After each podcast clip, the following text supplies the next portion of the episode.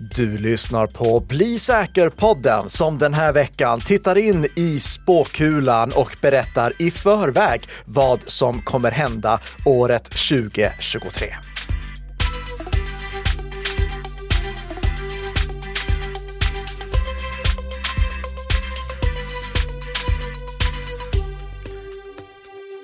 Det var självsäkert. Det var inte vad som eventuellt kommer hända. Det var inte vad som kanske händer eller hoppas hända. Utan det var vad som kommer hända 2023. Signerat Karl-Emil Nicka. Exakt eh, Peter Esse. Och eh, ifall eh, ni lyssnare känner att ja, vi har inte så höga förtroenden för din eh, spåkula efter eh, fjolårets eh, framtidsspaningar så har jag förståelse för det. Men den här, det här året, då har jag eh, tagit lite säkrare kort. Inte supersäkra kort, för då blir det ju tråkigt att lyssna på. Men lite säkrare kort kring vad som kommer hända i IT och informationssäkerhetsvärlden under 2023. Det presenterar vi i veckans avsnitt av Bli säker-podden som produceras i samarbete mellan Nika Systems och Bredband2. Inspelat den eh, 12 januari 2023 för sändning den 13 januari 2023 tre. Men först så har vi ju veckans snabbisar. Exakt. Och det verkar ju som att vi igen ska begrava Windows 7 och Windows 8.1. Mm. Det är första gången vi begraver Windows 8.1, men andra gången vi begraver Windows 7. Vad är det vi pratar om? Jo, det har ju varit patch-tisdag, den månatliga tisdagen som vi firar här i podden. Och Microsoft med kollegor har i vanlig ordning släppt ett gäng säkerhetsuppdateringar. Microsoft släppte den här månaden säkerhetsuppdateringar som åtgärdade 98 sårbarheter, varav 11 kritiska, inklusive en aktivt utnyttjad sårbarhet. Så om ni inte har uppdaterat, passa på att uppdatera snarast möjligt. Adobe, de betedde sig också som Adobe brukar. De åtgärdade 29 stycken sårbarheter, varav 16 kritiska i bland annat vårt favoritprogram Acrobat Reader. Favoritprogram när det kommer till att upptäcka sårbarheter. Alltså. Hur kan det ens vara några kvar? Eh, ja, för att eh, Adobe vill att Acrobat Reader ska kunna göra allt och aldrig sluta göra saker som det en gång har gjort. det är ett recept för att eh, inte få saker till att vara säkra. Men i alla fall, där finns också en massa uppdateringar att installera, så passa på att göra det. Anledningen till att vi eh, passar på att prata lite extra om månadens patch-tisdag, det är just då som Peter var inne på tidigare, att eh, det är slut för Windows 7 och Windows 8.1. Vi eh, spelade in ett avsnitt i januari 2020. Det var avsnitt, på, eh, avsnitt 46 av Bli säker-podden, då jag och Tess gick igenom vilka alternativ som stod till buds nu när Windows 7 inte längre skulle få säkerhetsuppdateringar. Och en av sakerna som vi sa då, det var att för företag som har vissa avtal med Microsoft så går det faktiskt att köpa säkerhetsuppdateringar för de företag som låg kvar på Windows 7 för tre år sedan och inte hade möjlighet att riktigt, riktigt än uppdatera till underhållna versioner eller uppgradera till underhållna versioner av Windows 10 ska jag snarare säga underhållna versioner av Windows, såsom Windows 10. Eh, de företagen, de kunde då köpa säkerhetsuppdateringar från Microsoft i det som Microsoft kallade Extended Security Update-programmet.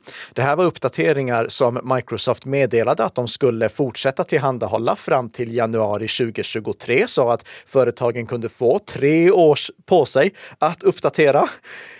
Och nu har vi då kommit till punkten då till och med de här betaluppdateringarna slutar komma till Windows 7. Så nu är det helt slut. Det finns ingen möjlighet att fortsätta köra Windows 7 på ett säkert sätt. Alla Windows 7-datorer måste uppgraderas till Windows 10 eller Windows 11 och troligtvis blir det till Windows 10 eftersom få Windows 7-datorer stödjer Windows 11. Och det går inte att uppgradera till Windows 8.1 heller, för Windows 8.1 går faktiskt ur tiden tiden nu också. Det är, eh, I tisdags var sista uppdateringen som kom till Windows 8.1. Windows 8.1 har inte något liknande sånt här Extended Security Update-program från Microsoft. Det går alltså inte att likt Windows 7 ligga kvar på Windows 8.1 för företag i något år till. Men jag tror inte det gör så mycket för att Windows 8.1 var så illa omtyckt så det, det, är ingen som vill köra det ändå. De som eh, faktiskt låg kvar på Windows 8.1 har i stor utsträckning uppgraderat till Windows 10 och jag tror att Peter, du har lite statistik på hur det ser ut.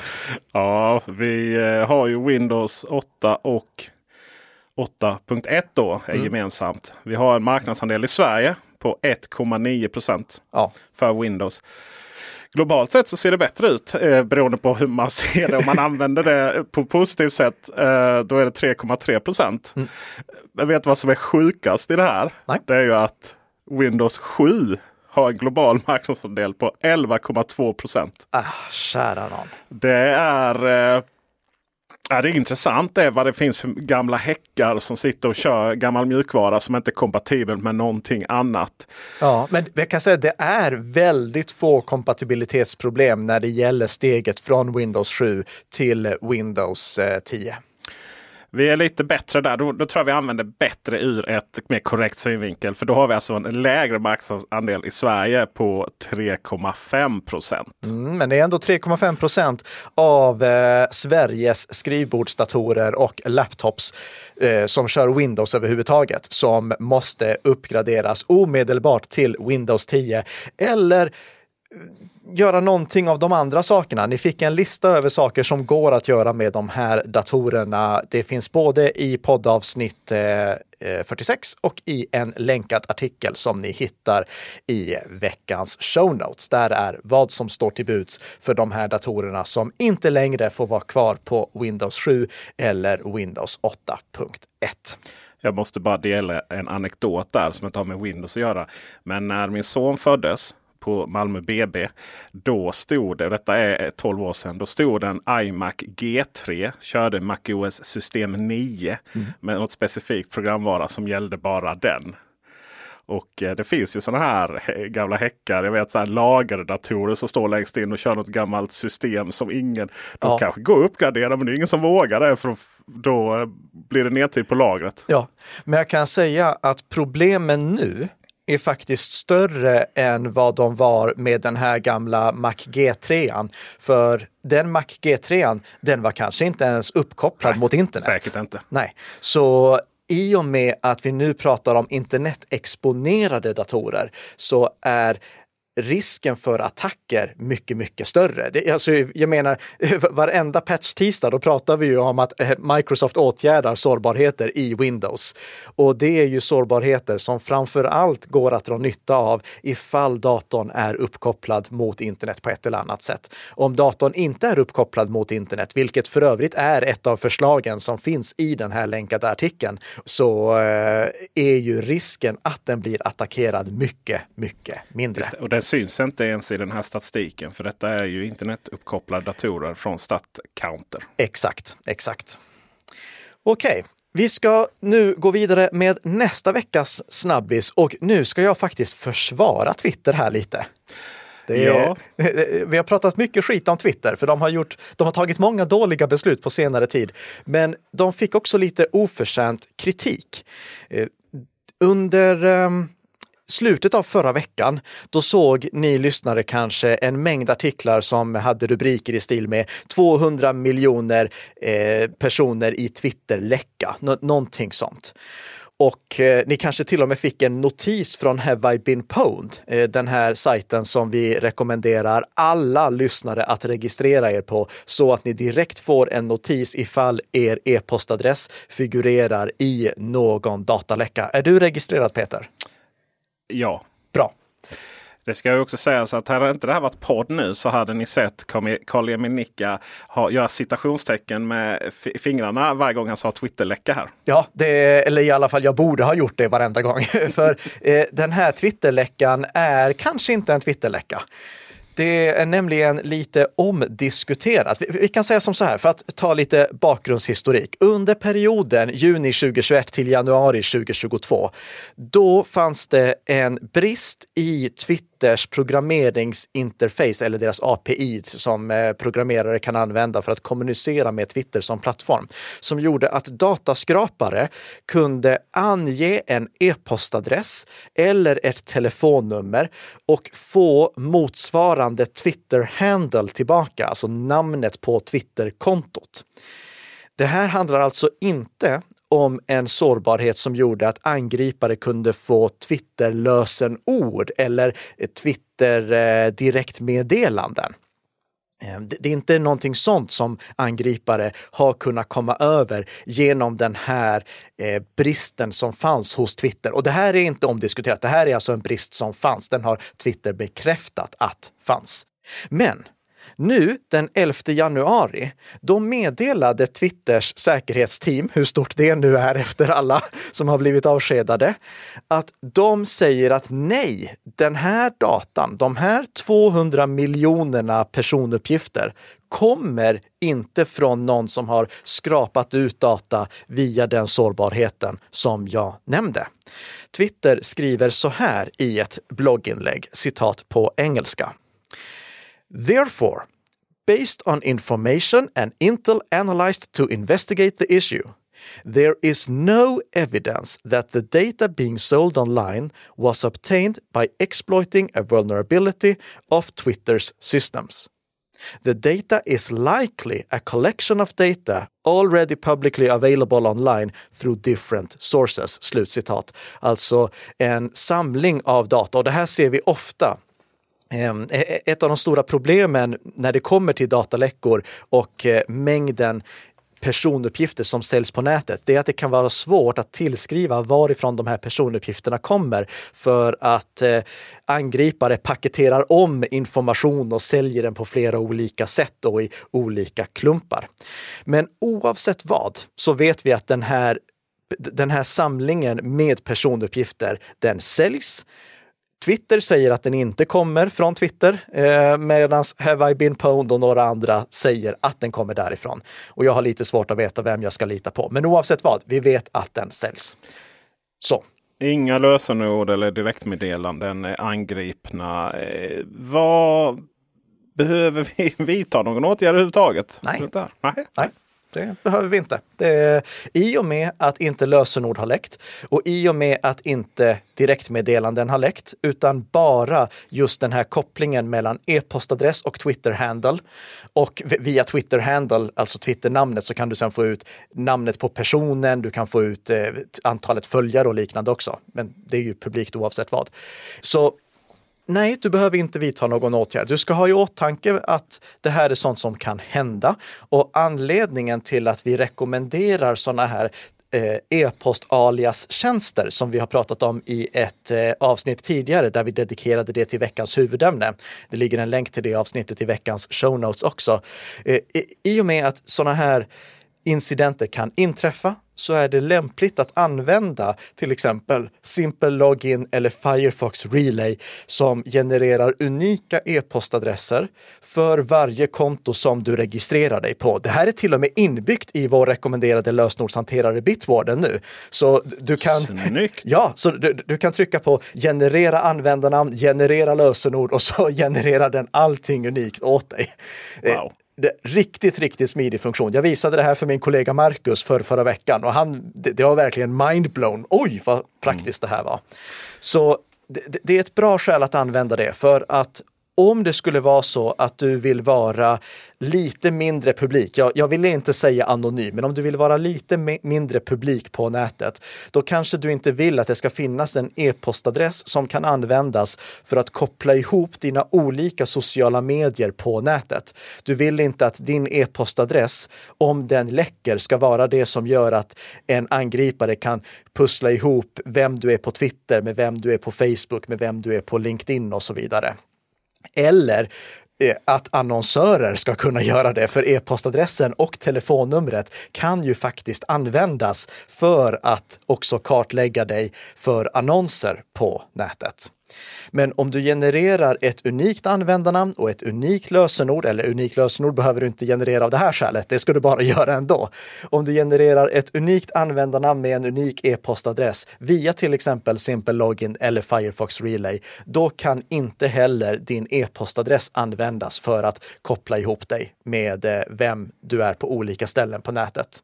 Och ifall du sen plötsligt en dag börjar få massa reklam till din e-postadress som du bara har använt vid ett specifikt tillfälle för en specifik tjänst, då vet du också vem det är som antingen har råkat läcka din e-postadress eller i värsta fall sålt din e-postadress. Jag vet ju vad jag ska göra under 2023 i alla fall. Jag ska ju börja kolla på de här eh, mindre personaliserade e-postadresserna kan man ju säga så. Ja. Vi var ju inte anonyma som sagt. Nej, men Ja. eh, Simple Login och Firefox Relay, det är eh, gratis att komma igång med. Sen har de betallösningar också ifall du vill kunna generera fler eh, e-postadresser än eh, det som ingår i gratisalternativet. Så nå- någon av dem. Eller du, eh, du som är Mac-nörd, eh, om du lever helt och hållet i Apples bubbla, då finns det ju också som en tjänst som ingår i eh, iCloud. iCloud. Eh, tror inte gratisversionen av iCloud, men plusversionen av iCloud som jag misstänker att väldigt många av våra lyssnare har, i alla fall Apple-lyssnare. Man har ju den om man betalar för extra utrymme så kommer ju den automatiskt då. Ja. Och anledningen till att eh, vi förespråkar Simple Login och Firefox Relay är att det fungerar på alla plattformar och har öppen källkod. Mm. Bra. Ska vi gå in på veckans huvudämne? Spännande, spännande. Ja, fem stycken profetior för 2023 och eh, några av dem är väldigt säkra kort. Andra är lite större spaningar som kan eh, slå igenom eller kan inte slå igenom.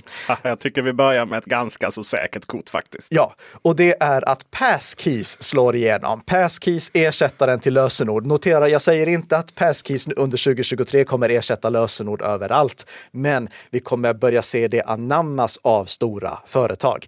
Apple, de har ju redan lanserat passkeys, så om du kör den senaste versionen av Mac OS och den senaste versionen av iOS och iPad OS så har du fullt stöd för passkeys redan nu. Microsoft har meddelat att de kommer lägga till stöd för passkeys under 2023. Google har redan rullat ut stöd för passkeys. Det finns fullt stöd för det på Android och det finns begränsat stöd för det i Chrome på datorn. Problemet i Chrome på datorn är att eh, det inte är ihopkopplat med synkroniseringen än. Men Google är också på god väg med att få ut passkeys och när Apple Google och Microsoft är färdiga med att liksom ha fundamentet för passkeys framme och troligtvis också lösenordshanterare såsom Bitwarden, One Password. Här brukar jag nämna en, en tredje, men det gör jag inte längre. Och jag kan säga, jag, jag, jag, jag, det, bli- det är fortfarande typ fem minuter om dagen som jag bara går och är sur på LastPass. Var det tio år som man eh, var på den listan? Precis, tio år eh, kommer det dröja innan LastPass har möjlighet att överhuvudtaget nämnas i positiv. Eh, eller ja, ja, det, innan jag ens kommer få för mig att rekommendera dem igen efter att de ljög för mig. Och kom ihåg det här, anledningen till att vi hävde rekommendationen av LastPass var inte på grund av läckan utan på grund av lögnen. Lyssna mer i avsnittet vi gjorde om LastPass om ni vill veta det. Eh, vill vi att passkey, vill vi använda passkey eh, cross-plattform, det vill säga både på Windows och Mac och Android och iPhone, då är det väl Google som är först ut va? Då har vi än så länge ingen som är hela vägen ute. Nej, det är just det i och med att man inte har stöd för det i, i Chrome Men- Desktop. Men just att det, det, det, det är de vi måste vänta på. Och det är väl de som har benägenhet att komma först ut under 2023 menar jag. Ja, Google har bäst förutsättningar för det. Eh, Apple skulle kunna släppa det om de bara vill. Eh, Det kommer inte hända. Nej, det tror inte jag heller. Så eh, jag, jag tror att antingen så blir Google först med att kunna erbjuda en cross-platform lösning för passkeys eller så blir det Bitwarden. Sen har vi spaning två. Den här är lite mer långsökt. Eh, det är att... Förhoppning. Ja, okej, Vad det, det, det, det här är blandad spaning, blandad förhoppning. Men rubrik för nummer två. Firefox reser sig ur elden. Firefox hette ju ursprungligen Project Phoenix. Eh, du vet eh, fågel Fenix som reser sig ur askorna eh, efter att ha blivit uppbränd. Vad reste sig denna fågeln ur första gången? Då? Första gången så var det ur eh, eh, alltså, Mozilla som är en eh, förkortning av Mosaic Killer. De gjorde en applikationssvit som skulle ersätta Mosaic Browser som var den första liksom, stora webbläsaren. Och sen så kom eh, Firefox och blev en eh, mer eh, strömlinjeformad webbläsare som passade på att ge Internet Explorer på käften. Just det, och det lyckades man ju faktiskt det med ganska bra. Riktigt bra fram med. till... Fram tills att Chrome kom. Just det. Ja. Men nu finns det några saker som talar för att Firefox faktiskt kommer att återhämta sig, alltså tvärtomspaning jämfört med fjolåret. Och den första saken, det är EUs Digital Markets Act.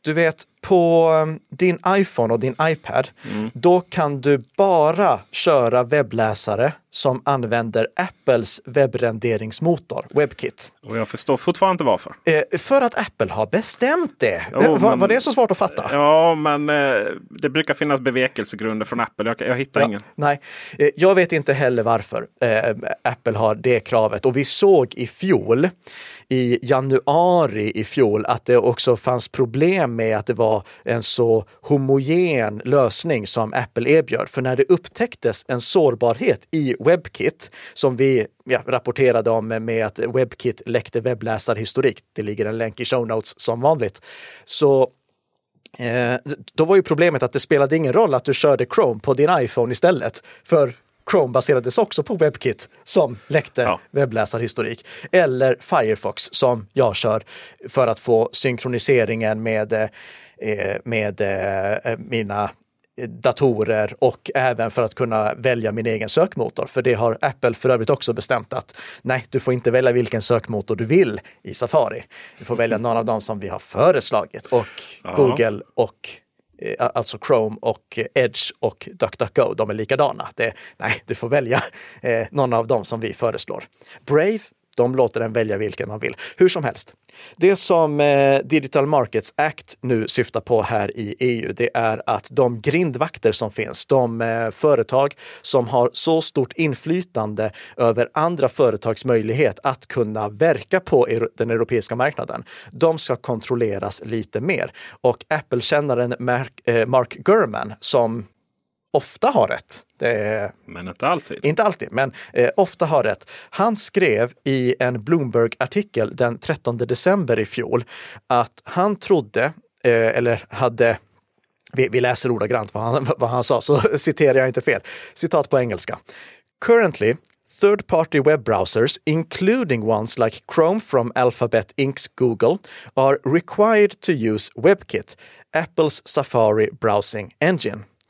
Under the plan to meet the new law, Apple is considering removing that mandate. Slutcitat. Alltså, Apple överväger att plocka bort kravet på att använda WebKit som webbrenderingsmotor. Och om Eh, om eh, Firefox då får möjlighet att släppa en riktig Firefox-version, inte bara en eh, ja, tweakad Safari med lite Firefox-tillägg i, då har faktiskt Firefox möjlighet att börja plocka marknadsandelar på mobilplattformen också. Och vi kan ju säga att mobilplattformen idag är mycket, mycket, mycket viktigare än desktop. Men än så länge så har Firefox knappt någon nämnvärd eh, marknadsandel på mobilen. Det är eh, anledningen till att många på, eller många, anledningen till att en del kör Firefox på Android, det är ju för att Google, de vill inte låta dig installera tillägg i Chrome. Eh, för det, det, det, kan vi spekulera kring varför de inte vill. Men eh, Firefox, de låter dig i alla fall göra det. Så där kan du köra uBlock Origin till exempel, med min favorit eh, innehållsblockerare för att blockera spårningsförsök och liknande. Och ifall eh, det kommer en riktig Firefox-version till iOS, då skulle det kanske också gå. Sen fanns det faktiskt en sak till som talade för att eh, Eh, Firefox skulle få lite större genomslag överlag, framförallt på desktop och eh, eh nej, just specifikt på desktop, alltså på skrivbordsdatorer, eh, MacOS och eh, Windows och Linux. Och det var att Google tillkännagav tidigare att de skulle sluta stödja tillägg som baserades på Manifest version 2 juni 2023. Och Manifest version 2 är den generation av tillägg som de flesta webbläsartillägg idag använder, som har sina säkerhetsbrister, vilket vi kommer återkomma till i ett huvudavsnitt där vi pratar om fördelarna med Manifest version 3. Men anledningen till att många fortfarande vill köra Manifest version 2, det är att det krävs för att innehållsblockerare som till exempel uBlock Origin ska kunna vara så effektiva som de är uBlock Origin kan inte byggas på samma sätt om kravet är att det ska bygga på manifest version 2 istället för, eh, förlåt, manifest version 3 istället för manifest version 2. Och Firefox och Mozilla, de meddelade att även om Google tar bort stödet för manifest version 2-tillägg, som till exempel uBlock Origin, så kommer vi behålla det. Och jag är helt på det klara med att Eh, folket som bryr sig om huruvida det går att köra uBlock Origin eller om det blir en light-version av uBlock Origin som är kompatibel med Manifest version 3 eh, eh, eller något helt annat innehållsblockeringstillägg eller adblocker som det också kallas för att många använder det för att blockera reklam. Det, det, det, är, alltså, det är en försvinnande liten andel av personer som bryr sig om det. Men de som bryr sig, det är inflytelserika personer. Det är de personerna som berättar för sin omgivning vilken webbläsare de rekommenderar. Det är de personerna som gjorde att Firefox en gång i tiden slog knockout på Internet Explorer. Det kan ske igen. Det kan ske igen. Mm. Kanske under 2023 i alla fall en liten uppgång. Ja, eh, och, och det, det, är min spaning att det, det vänder. Vi, vi, såg ju en nedgång för Firefox under 2022 eh, och jag tror på en liten uppgång under 2023. Just det. Du tror också här då i nästa punkt att vi kommer få problem med pushnotiser på iPhone helt plötsligt. Ja, och det är för att på Android då finns det ett stort problem med att användare råkar godkänna pushnotiser från sidor som sprider reklam via pushnotiser. Det såg vi till exempel eh, i den granskningen som du och jag Peter gjorde om eh, den här barninfluensen eh, Pontus Rasmusson. Det publicerade vi på Teknikveckan. Jag provade att gå till den här barninfluensens webbplats medan han hade jättemånga reklamskript på den. Och så klickade jag runt på sidan, kom till massa scamsajter inklusive sajter som marknadsförde sex, spel, porr och gambling till barn. Men eh, så tryckte jag också när sajten frågade, vill du godkänna pushnotiser? Och sajter gör ofta det på ett ganska snillrikt sätt. De säger till exempel bekräfta att du inte är en bot genom att trycka på godkänn notiser. Eller för att gå vidare måste du godkänna notiser. N någonting sånt. Och jag, har ju fått massvis av pushnotiser på min test Android-mobil. Ja. Jag kan säga Alice, hon är väldigt störd över det.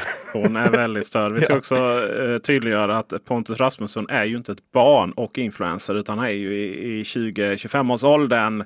Eh, men har ett innehåll som riktar sig till barn och det var när han eh, öppnade sin nya webbsida som det här eh, uppstod. Det tog ungefär en vecka och sen så var reklamen borta.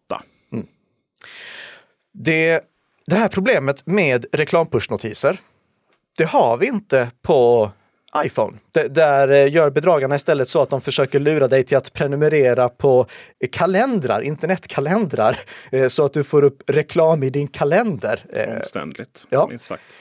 Men det blir det förändring på nu. För i iOS 16 så kommer det enligt iOS 16s officiella webbsida eh, som Apple har lagt upp läggas till stöd för pushnotiser i Safari under 2023. Och även om det kommer att missbrukas av bedragare för att skicka massa skräpreklam så är jag positivt inställd till det. För huvudskälet till att jag inte har byggt in stöd för pushnotiser i lärplattformen, det är ju för att det inte går att skicka pushnotiser till iPhone. För att kunna skicka pushnotiser till iPhone idag måste du ha en app.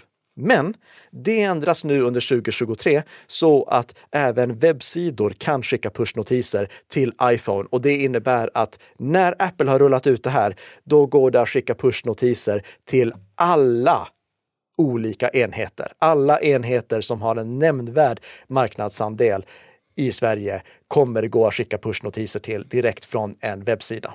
Och det är ju till exempel så att eh, då behöver vi inte installera en Facebook-app utan vi kan ju få notiser direkt ifrån Exakt. Eh, Facebooks webbsida. Eh, det gäller ju forum och det finns mycket fördelar med detta. Det ska dock säga en liten varningsfinger att många webbsidor, nyhetswebbsidor, det första som händer när vi går in på dem, det är att vill du ha notiser så fort det kommer nyheter. Det låter ju bra, men det, alltså, det kan ju vara 30 nyheter på en dag. Ja. Så att man får vara, ha en viss hygienfaktor här. Ja, vi får se hur Apple lägger ut det, den här funktionen och ifall de har något S i rockärmen för hur de ska förhindra att det missbrukas. Sen har vi den absolut mest, absolut största longshotet här också. Ja. Och det är spaning nummer fyra. Bing blir bra. Ja, tre bena. Ja, jag försökte hitta allitteration på det mesta, men det, det, det här var det, den som var uppenbar att jag skulle köra det på. För alltså, Bing har ju varit, jag, jag, tror att alla kan stämma in om att Bing levererar sämre sökresultat än Google. Och eh, väldigt svagt här sa Peter. Men Bing och Microsoft, de har ett S i rockärmen nu kan vi lugnt säga. För vi har konstaterat att ChatGPT är mindblowing bra. ChatGPT, alltså den artificiella intelligens chatbot som vi dedikerade veckans huvudämne till för några veckor sedan, den är helt fantastisk. Och Microsoft, de investerade redan 2019 en miljard US-dollar i OpenAI, alltså företaget som ligger bakom ChatGPT. Och Microsoft har redan börjat använda OpenAIs lösningar i Bing. Till exempel ni lyssnare, ni kan gå till bing.com create för att där hitta Bing Image Creation. Och det här är alltså en eh, paketering av DALI som vi också pratade om i förra avsnittet vi gjorde om OpenAI. Alltså den här artificiella intelligensen som genererar bilder åt användare. Eh, här i Sverige så kommer ni tyvärr eh, bara få se eh, image creation kommer snart till din region. Men i alla fall, det är någonting som Microsoft håller på att rulla ut och ett bevis på att de vill använda OpenAIs teknik i sökmotorn Bing. Den 4 januari i år, då meddelade Reuters att Microsoft vill bygga in ChatGPT-tekniken i Bing. Alltså så att du kan söka och få svar via den här artificiella intelligensen som vi redan har konstaterat att är riktigt bra. Eh, ChatGPT dras idag med problemet att den inte har någon aktuell data. Datan är från 2021, men det här är ju någonting som kommer förändras och Microsoft kan därtill komplettera med den ett otroliga översikten över internet, som, över webben, som Microsoft ändå har tack vare Bing idag.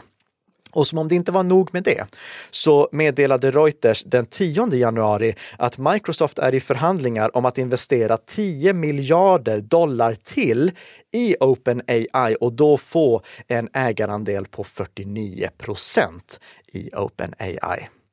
Så om Microsoft lyckas använda den här tekniken för att revolutionera sökmotormarknaden, då skulle Bing faktiskt nu under 2023 kunna bli en riktigt bra sökmotor, vilket på sikt också skulle kunna gynna integritetsvärnande sökmotorer som till exempel DuckDuckGo, som förlitar sig i stor utsträckning på Bing för att leverera sökresultat.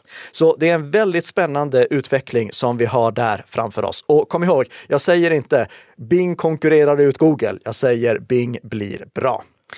Sista punkten, den har vi faktiskt redan avhandlat. Det gjorde vi förra veckan och den punkten lyder inga faktiska framsteg på EU-USA-fronten när det kommer till möjligheten att kunna hantera Eh, e EU-medborgares personuppgifter i amerikanska molntjänster. Vi kommer höra fler avsiktsförklaringar att vi vill komma i mål med det här, men vi kommer inte få någon faktisk lösning på det under 2023.